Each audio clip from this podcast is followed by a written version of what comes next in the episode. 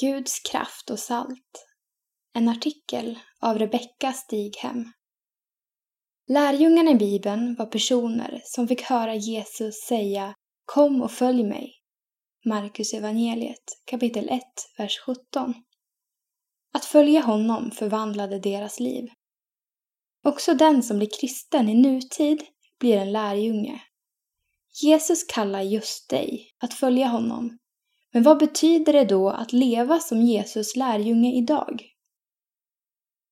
Att bli kristen innebär en stor förändring. Man börjar leva av Guds kraft. Vilken kraft då? Jo, kraften i att Jesus har klivit in i världshistorien, dött på ett kors för våra brotts skull och uppstått till liv. Den som tror på detta blir en kristen och får ta emot Guds ande. Den ande som uppväckte Jesus från döden är samma ande som bor i varje kristens hjärta. Romarbrevet kapitel 8, vers 11. Snacka om kraft! En dårskap. Det finns en knepig grej med Jesus kors. Man kan inte förstå det helt. Faktum är att om man bara tittar på korset utifrån, utan att tro, så förlorar man hela poängen.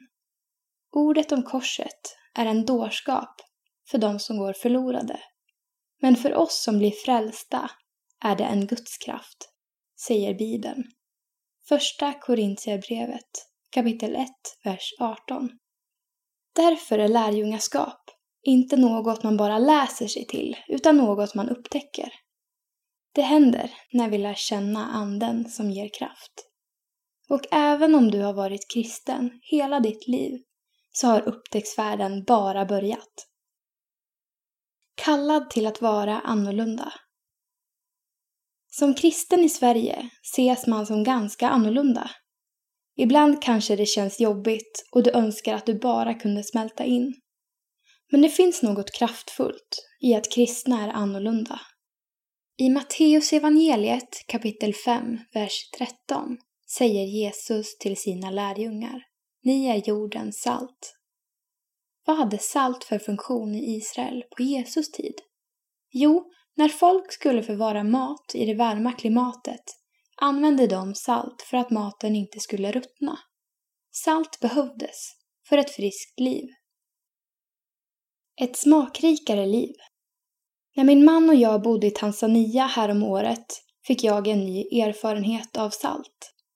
Vi åt enkel mat, som främst innehöll majs och bönor. Inga kryddor. Det var ganska smaklöst. Men så småningom vande man sig. Efter ett tag kom vi till en marknad där det såldes salt. Vi köpte hem och testade att hälla på det vid våra måltider. Effekten var enorm. Jag var helt chockad över hur mycket mer allting smakade. Salt förändrade allt. Tänk om det är så många har det utan Jesus. Kanske har människor i Sverige vant sig vid tanken på att livet inte har något mer att ge. Man är vid liv, men har inte fått uppleva hur livet kan börja flöda på insidan. När Jesus kallar dig att följa honom blir du bärare av Guds friska liv i den här världen.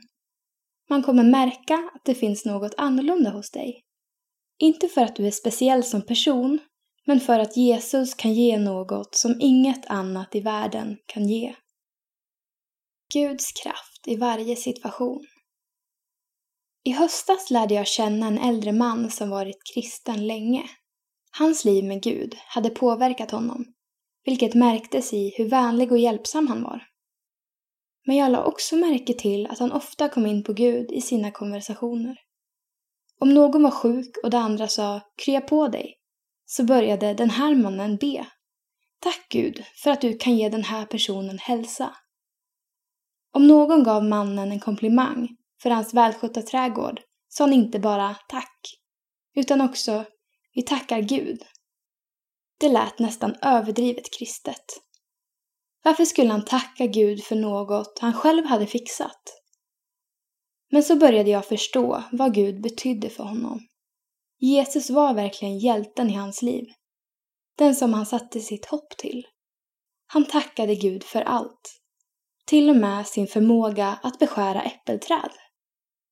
Det här sättet att vara lärjunge inspirerar mig. Ibland låter det nästan på oss kristna som att Jesus hjälper oss, men nu får vi se till att lösa det här. Som om Jesus kraft är en bonus, men inte helt avgörande. Jag tror att vi behöver Jesus mycket mer än så. Vad skulle hända om jag verkligen bad till honom i varje situation och gav honom ära för allt gott i mitt liv? Kanske skulle ett sådant liv verka än mer annorlunda i folks ögon. Men kanske skulle jag ännu tydligare få se att lärjungaskap är ett liv i Guds kraft.